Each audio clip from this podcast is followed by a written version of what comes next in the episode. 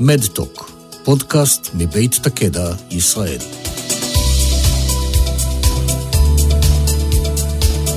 שלום לכולם, שמי ליאת אלון, ואנחנו בפרק נוסף של מדטוק, פודקאסט חדש מבית תקדע ישראל.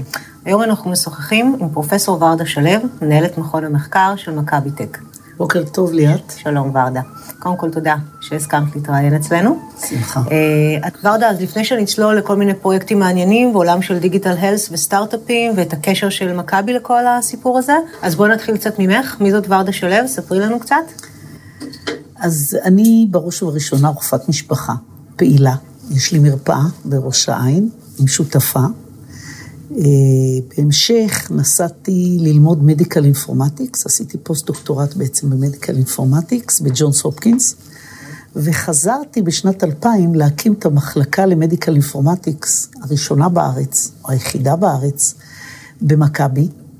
ניהלתי אותה הרבה שנים. בהמשך ניהלתי את האגף לרפואה ראשונית.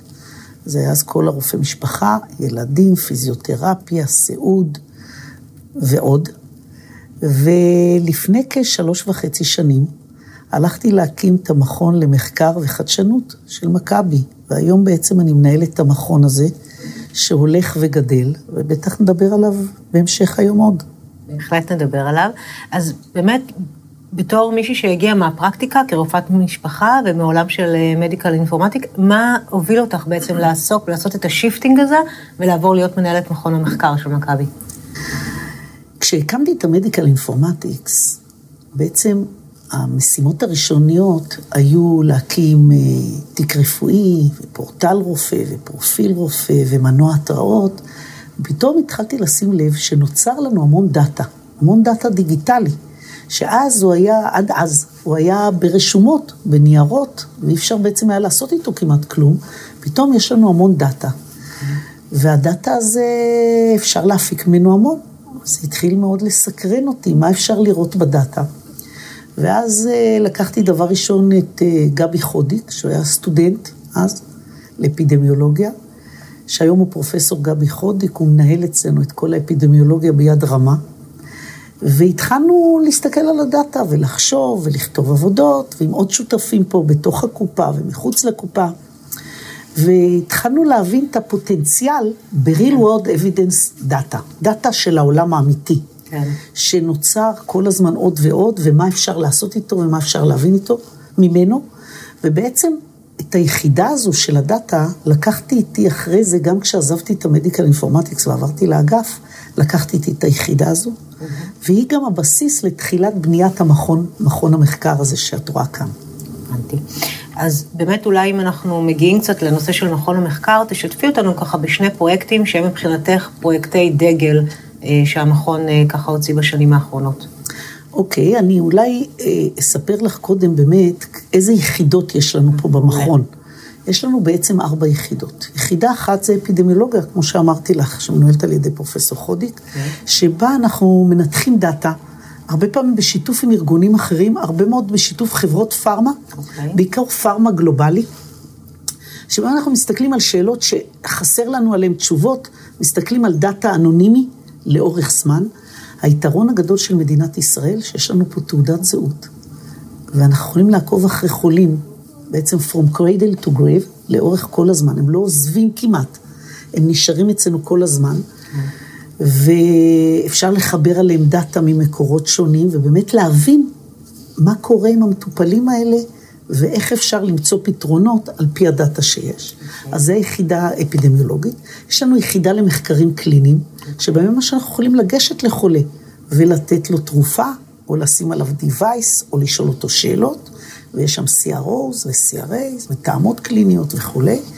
יש לנו יחידה חדשה של ביובנק, שבה אנחנו אוספים דגימות ביולוגיות, ובטח נדבר עליה בהמשך. ויש לנו את היחידה המאוד מעניינת, שקיבלנו תרומה להקים אותה ממוריס קאהן, mm-hmm. שבעיניי הוא האיש הראשון של ה big data. הוא בעצם הקים את דפי זהב, והבין שדפי זהב זה לא רק שיווק ופרסום, זה גם דאטה. ואחרי זה הוא הקים את אמדוקס בהתאם וכולי, הוא תרם לנו להקים את היחידה הזו, שזו יחידה מאוד מיוחדת, כי בה בעצם אנחנו מנתחים גם טקסט ותמונה וקול, ובונים אלגוריתמים שמנבאים מה יהיה, לא רק עבודות שתארים מה היה. אז זה בעצם ארבע יחידות שיש לנו.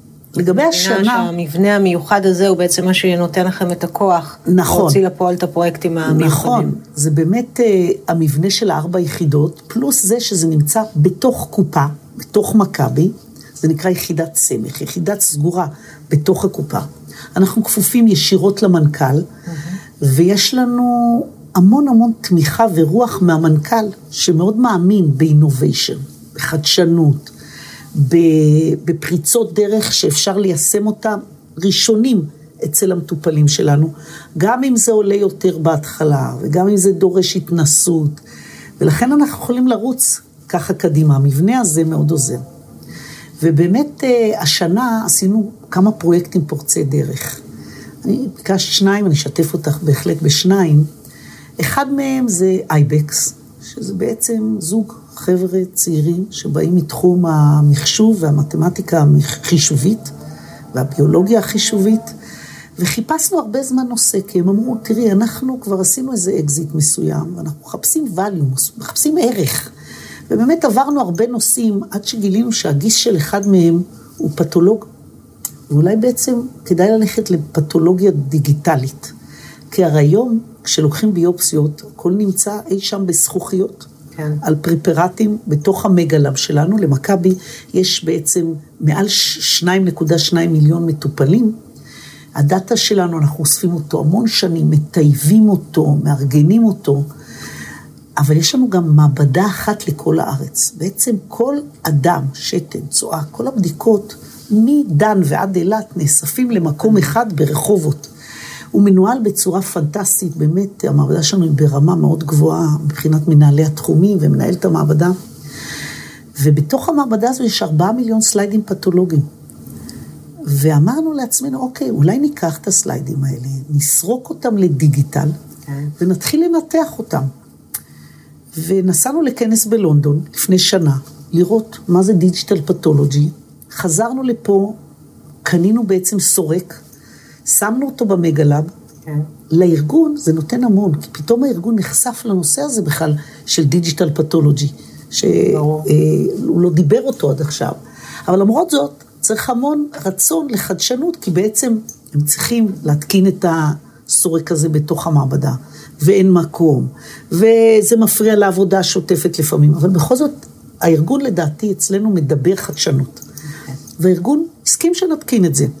ומנהלת המעבדה, פרופסור זנדבנק, התגייסה לתוך העניין הזה מאוד חזק. והחלטנו לבחור נושא. והנושא שבחרנו ראשון היה אה, קרצינומה של הפרוסטטה, ביופסיות מהפרוסטטה. כי א', זה מאוד שכיח שעושים ביופסיה.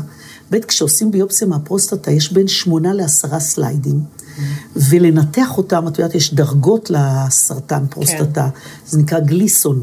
להבדיל בין הגליסונים זה לא קל, קל מאוד לפספס. אמרנו, בואו נתחיל מזה. אז התחלנו לסרוק את ה imageים, ואנחנו סורקים אותם בהגדלה של פי 400, בדיוק כמו שרואים במיקרוסקופ. אז מ slide כזה קטן נתקבל slide בהגדלה של פי 400 כן. גדול, וה slide הזה הוא בעצם שוקל הרבה, הוא שוקל בין ג'יגה לשמונה ג'יגה, והחבר'ה המוכשרים שהתחילו איתנו את הפרויקט, התחילו ללמד את, ה, את המחשב לקרוא את ה slideים.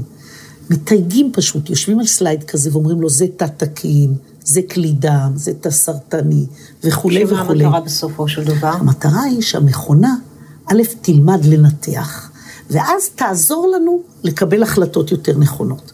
השאלה היא מצוינת, כי מה שאני רואה עם הזמן, שהאלגוריתם הוא פחות חשוב מאשר האימפלמנטציה, איך אתה משתמש בו. ובאמת, כעבור ארבעה חודשים ראינו שהמכונה מגיעה לדיוק של 98 אחוז. ואז עלתה השאלה, מה אפשר לעשות עם זה? איך אנחנו יכולים להביא ערך למטופלים שלנו כאן ועכשיו? והחלטנו באמת אה, להתקין אותה אצלנו במגלאב כבר ככלי. אמרנו, אוקיי, איך זה הולך? בן אדם נותן ביופסיה של הפרוסטטה. אם הביופסיה היא חיובית, כשאנחנו אומרים חיובית, הכוונה היא שיש סרטן, כן. אז עובר על זה עוד פתולוג, לוודא שזה באמת סרטן. ואם היא שלילית, כותבים לבן אדם, שלילי ל prostate cancer. אמרנו, אוקיי, בואו אחרי השלילי נסרוק ל digital ושהמכונה גם תחווה דעתה. second opinion של המכונה. פנימי ודיגיטלי, מדהים.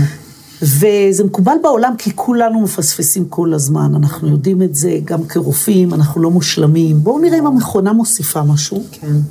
ובאמת כבר אחרי זמן קצר, פתאום המכונה צעקה על slide שלילי, did it, היא צרחה לנו prostate cancer. וואו. וזה היה החולה הראשון שהצלנו אותו בעצם. ואז הבנו שהפוטנציאל הוא מיידי, והתקנו את זה במכבי, ובעצם במכבי זה המקום היחידי בעולם, לדעתי, שיש automatic second opinion by machine על prostate cancer. וכבר קיבלנו הזמנות להתקין את זה, זה באמת, אה, החברה הזו, Ibex, מגייסת עכשיו הרבה כסף, פעם שנייה. כן. לצורך הרחבת הפרויקט, כי אנחנו הולכים איתם כבר מפרוסטטה לשד ולעור ולעוד דברים אחרים. כלומר, לבוא ולקחת את הביופסיות, לעשות להם תהליך דיגיטליזציה וללכת לכיוון של second opinion דיגיטלי. בדיוק. ואני בטוחה שסקנד אופיניון זה תחילת הדרך. כן. כי אנחנו נלך אחרי זה ל-decision support, זאת אומרת סיוע לפתולוג, אולי אחרי זה נלך ל-first opinion מתישהו, וגם נלך למקומות שבהם הפתולוג לא יכול לעשות כמו המכונה, כמו למשל לצרף ל pathology, ל slide, לצרף לו גם דאטה של הרבה זמן ולראות מה הדאטה יחד עם ה image מה הוא יכולים לעשות. אז זה פרויקט אחד שאני חושבת שמה שלמדנו, שתוך פחות משנה, אנחנו יכולים להגיע מרעיון ליישום בתוך המערכת, שזה רק ב setting כזה של קופה, עם מכון כזה, עם freedom, עם תמיכה של המנכ"ל וכולי, אנחנו יכולים לבצע כזה פרויקט מאלף עד תף בעצם. למדנו בעצם שאנחנו צריכים ללוות את, ה, את השותפים שלנו כל הזמן. החל במציאת הרעיון, ודרך השגת תקציבים וכספים, ודרך ה beta site פה בתוך הארגון, וקשרים, אני מניחה, בארץ ובעולם. קשרים בארץ ובעולם. ובעצם אה, אנחנו מרגישים partnerים, רצים לטווח ארוך ביחד, וזה באמת, אה, בלי partnership היום, לא מגיעים לכלום. אז זה פרויקט אחד. פרויקט שני שאני יכולה לספר, שגם כן קרם עור וגידים לגמרי השנה, זה הטלפון שקיבלתי מרן שאול, מניו יורק, שהוא ישב עם אלון בלוך, שהוא בעצם המקים של וויקס. כן. הוא המקים הראשון של וויקס. ויחד איתם ישב אדם סינגולדה, שהוא המקים היחידי של, הראשון של Taboola, והם אה, יושבים בניו יורק כולם. והם אמרו לי, תראי, אנחנו אנשי artificial intelligence, אנחנו יודעים איך לחפש, אבל כשלנו יש בעיה בריאותית, אנחנו אף פעם לא מוצאים את הסיבה. אם אנחנו כותבים, כואב בטן, כואבת לי הבטן, רוצה לדעת מה יש לי, בדוקטור גוגל, תמיד אנחנו מפחידים אותנו נורא, אומרים לנו, אה, זה בטח סרטן לבלב. כאב ראש זה בטח גליומה של המוח. דברים נוראים. איך אנחנו יכולים לעזור לבן אדם לחפש בצורה יותר אובייקטיבית? זו, היה, זו הייתה המטרה. אז אמרנו, אוקיי, תבואו לפה ונחשוב ביחד, ואכן הם הגיעו, ואמרנו לעצמנו, אוקיי, יש לנו מאות מיליוני ביקורים של חולים אצל הרופא שלהם. בואו ננתח את הטקסט של הביקורים האלה בעזרת מכונה, על טקסטים אנונימיים, למדנו איך לעשות אנונימיזציה של הטקסטים האלה, ונראה אם אנחנו יכולים לבנות משהו שיעזור לנו. כשניתחנו, אז למשל, איך רופא מתעד? בא בן אדם בן 40, כואב לי הראש, מאת... אז הרופא כותב, כאבי ראש, החלו אתמול, בצד ימין של הקרקפת, קורנים לזה, עם הקאות, בלי הקאות.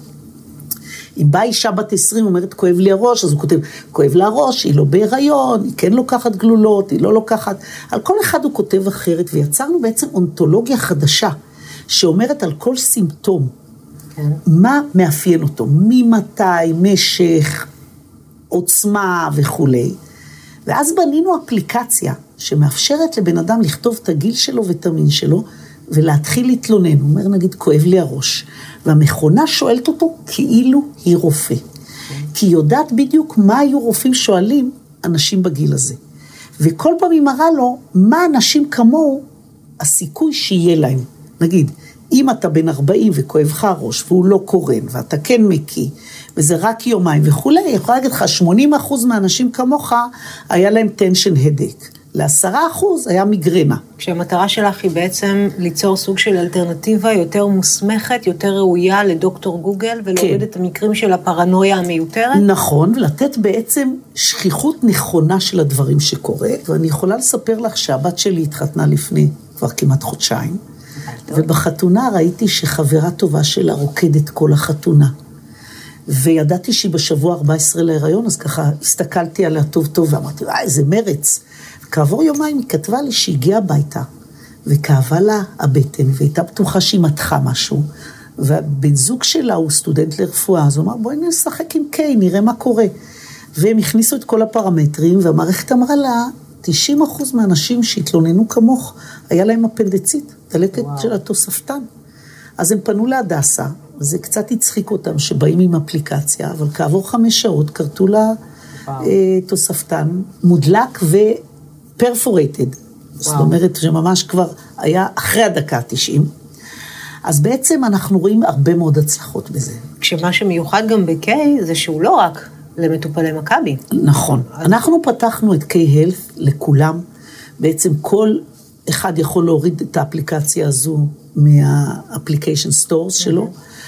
ולא רק זה, היא עכשיו נפתחה בארצות הברית, כבר עברה השקה באלבמה, וכרגע עוברת השקה בניו יורק, ובעצם הבנו שזה סטפ נאמבר 1. כיום אנחנו השתמשנו בזה כתחליף לסרצ', אבל אנחנו רוצים עם הזמן להשתמש בזה הרבה יותר, והשבוע יצאנו למיזם שנקרא K2, של איך האפליקציה הזו עוזרת לא רק לחפש, אלא ממש לטפל בבן אדם. וזה נספר לך בטח בפודקאסט עוד שנה. אוקיי, okay, אז בעצם דיברנו על השתי יוזמות, אבל אי אפשר בלי להזכיר את הביובנק. נכון. מיזם שלכם שהוקם אה, בשנה האחרונה, ואני חושבת שהוא גם אסטרטגי. לגמרי. אני אשמח אם תספרי לנו קצת עליו. לגמרי. את יודעת, אני סיפרתי לך שכשחזרתי מה fellowship שלי בשנת 2000, התחלתי להסתכל על הדאטה ולטייב אותו. ולהגיד לעצמי, אוקיי, יש לי קודים של ארבע ספרות וחמש ותשע, ואיך אנחנו עושים מזה שפה אחת בכל המערכות, כדי שנוכל להשתמש ב digital data בצורה חכמה. מה שהבנו עם הזמן, ש digital data is not enough. היום, בלי ביולוגיה וגנטיקה, אתה לא מגיע לקצה, ואת בוודאי, כמי שהיא עובדת בפארמה, מבינה את זה. ואמרנו, אנחנו חייבים ליצור את הזרוע הנוספת הזו של דאטה גנטי וביולוגי. ומה יותר, כשמדברים על רפואה מותאמת אישית, כן. ועל precision medicine, מאשר לשתף את המטופלים שלנו יחד איתנו בתהליך. ובאמת פנינו למטופלים, ושאלנו אותם, האם אתה מוכן שכל פעם שלוקחים לך דם, שתן, צואה, ניקח עוד קצת ונשמור אצלנו במקררים. ואז אם יבוא חוקר, נוכל לתת לו דאטה אנונימי, לא רק דיגיטלי, אלא להוסיף לו דאטה ביולוגי וגנטי. כשאני מדברת על ביולוגיה, הכוונה היא, וזה נושא נורא חם, מי כמוך יודע, על biomarkers. מה הכוונה? שאם מגלים למישהו סרטן לבלב, פתאום אתה רואה שיש לו שלושה דמים אחורה, יש לו גם מיקרוביום אחורה, יש לו תרבית שתן אחורה, ואז אתה יכול לראות האם יכולנו קודם לנבא מה הולך להיות, למצוא איזה biomarkers ולגלות מחלות יותר מוקדם, ולגלות תרופות שישפיעו בצורה יותר ספציפית. בעצם אנחנו מקימים פה infrastructure לחוקרים שיוכלו לחקור הרבה יותר מהר, כי כבר הדגימות נמצאות, הדאטה הדיגיטלי נמצא, יש אינפורם קונצנט, הסכמה של כן. המטופל, ואפשר הרבה יותר מהר לעשות מחקר שישפיע ויעזור לחולים האלה שלנו. זו המטרה. ויש שיתוף פעולה? שיתוף פעולה מדהים. מעל 50% מהחולים, כבר בפעם הראשונה כשאנחנו פונים, וצריך לזכור שכשחולה מגיע למעבדה, הוא בדרך כלל מגיע בצום, הוא חולה באותו יום, הוא ממהר לעבודה, הוא מגיע עם הילד שלו, ולמרות זאת מעל 50% בפעם הראשונה אמרו כן. ובנינו להם אתר, שבאתר הזה כל אחד יכול לראות איזה דגימות נאספו לו, מה אנחנו חוקרים כרגע במכון, ובעצם להיות שותף איתנו כבר בשלב המחקר. אני חושבת שזה דבר ענק, שהמטופלים איתנו כבר בשלב המחקר. ואני באמת אה, מתרגשת לראות שהמטופלים כל כך אכפת להם מאחרים, כי מה המהות של ביג דאטה? זה אני בודק המון אנשים כדי לעזור לאיזשהו חולה אחר.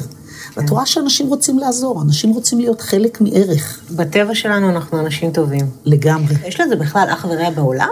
תראי, יש הרבה ביובנקים בעולם, כל אחד בנוי קצת אחרת, יש הרבה מהם בנויים רק על גנטיקה, לוקחים פעם אחת דם. אנחנו, אני חושבת שמה שמאפיין אותנו, שהמטופלים הם חלק הרבה יותר אינטגרלי, שאנחנו לוקחים מספר דגימות, שאנחנו יודעים לחבר את זה לדאטה דיגיטלי, שאנחנו יודעים לחזור למטופל אם יש לנו אקשנבל אייטם. מה הכוונה? אם מצאנו למטופל, ויש לנו ועדת היגוי פנטסטית, גם של אנשים נהדרים שמתגייסים מזמנם כדי להוביל מיזם כזה חדשני, אז יש היום 57 גנים שמצאנו שאם מוצאים אותם במקרה לבן אדם, כדאי לחזור ולספר לו. למשל גן של BRCA, שהוא לסרטן שד. זה מאוד משמעותי לחזור, כי אתה חוזר, אז עוקבים אחרי אישה כזו אחרת. עושים לה גם MRI, ולא רק ממוגרפיה, יש התייחסות לשחלות ועוד ועוד. אז בעצם אנחנו פרטנרים, ואני חושבת שזה באמת הדבר הגדול בביובנק שלנו. יש לנו כבר כמעט 30 אלף איש בתוך הביובנק תוך שלושה חודשים. השבוע הכפלנו את מספר המגייסים. זה אומר שאנחנו רוצים להגיע ל-100 אלף איש השנה ול-300 אלף איש בשנה הבאה. זה כבר הופך אותנו לביובנק, ביו-רפוזיטורים מהגדולים בעולם. ואז המטרה שלנו לשתף פעולה עם כמה שיותר חוקרים בארץ ובעולם. כן. וכבר עכשיו מתחילים לנו ארבעה, חמישה מחקרים על הביובנק, עם הטכניון, עם מכון ויצמן, עם אוניברסיטת תל אביב, ועוד ועוד. כלומר, זאת הפלטפורמה. ועם חברות סטארט-אפ, כמובן. כלומר, זאת הפלטפורמה שלכם, לבוא ולהוציא עוד ועוד אה, מחקרים ומיזמים שהתבססו על הדאטה שאתם אוספים, ויוכלו בעצם אה, להביא פתרונות, שנוכל, כמו, ש... כמו שיישמנו את הפתולוגיה אצלנו, כן. אני מקווה שנוכל ליישם גם אותם לטובת המטופלים שלנו, ולהביא להם מהר יותר את החדשנות. כי חדש שווה מהר. ורדה, את מאוד מעורבת בכל העולם הזה של דיגיטל הלס, גם בארץ וגם בעולם. אני אשמח לשמוע קצת את זווית הראייה שלך, לאן את רואה את כל העולם הזה וכל התחום הזה הולך בשנים הקרובות, ואיך את רואה את זה גם משפיע בפרקטיקה, דווקא בגלל שאת כן, באה מהפרקטיקה כמו שהתחלנו. איך זה ישפיע, ישפיע בסופו של דבר על הרופא, על המטופל, בשנתיים, שלוש הקרובות? אז קודם כל זה לא הולך, זה רץ. העולם הזה רץ. אני חושבת שיהיו כמה אלמנטים נורא משמעותיים. אחד זה, הפציינט הוא הרבה יותר משמעותי במערכת. חייבים להבין את זה, ההחלטות, היכולות עוברות הרבה מאוד למטופל.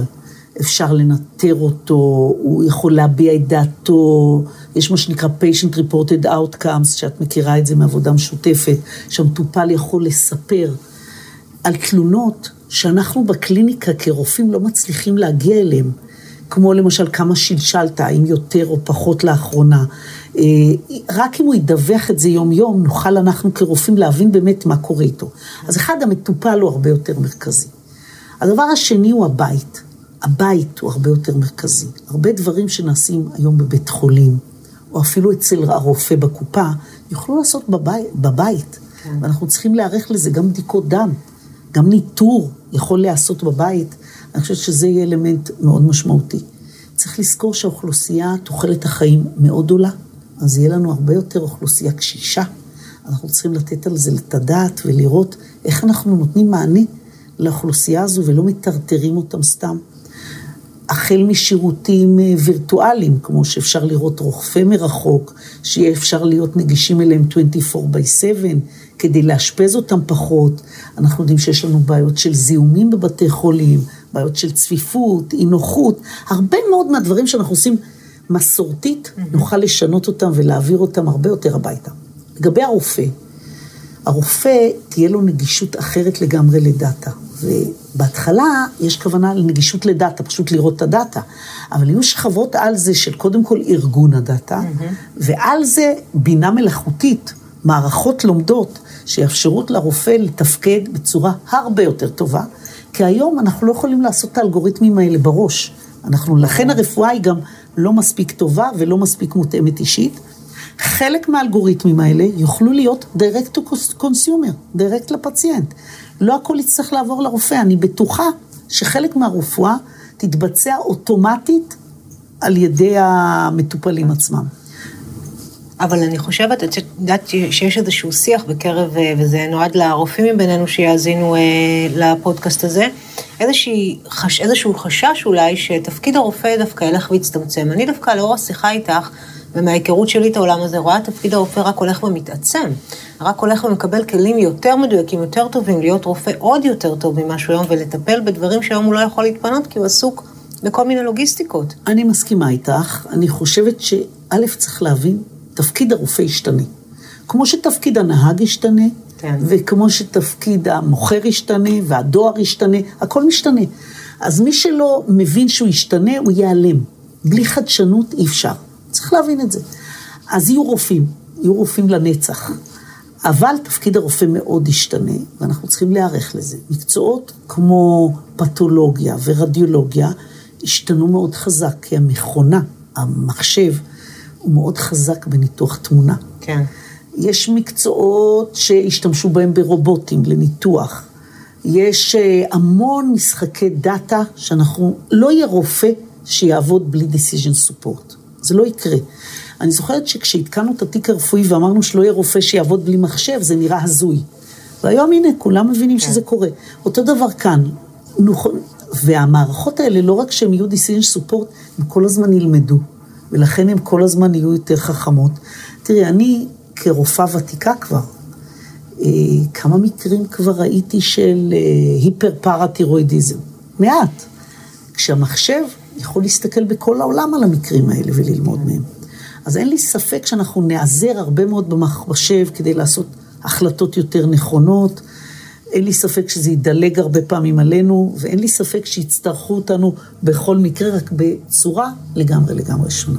ואם לא הייתי בטוחה בזה, לא הייתי שולחת שניים משלושת הילדים שלי ללמוד רפואה. כאילו אני שולחת. אבל הם הלכו לזה.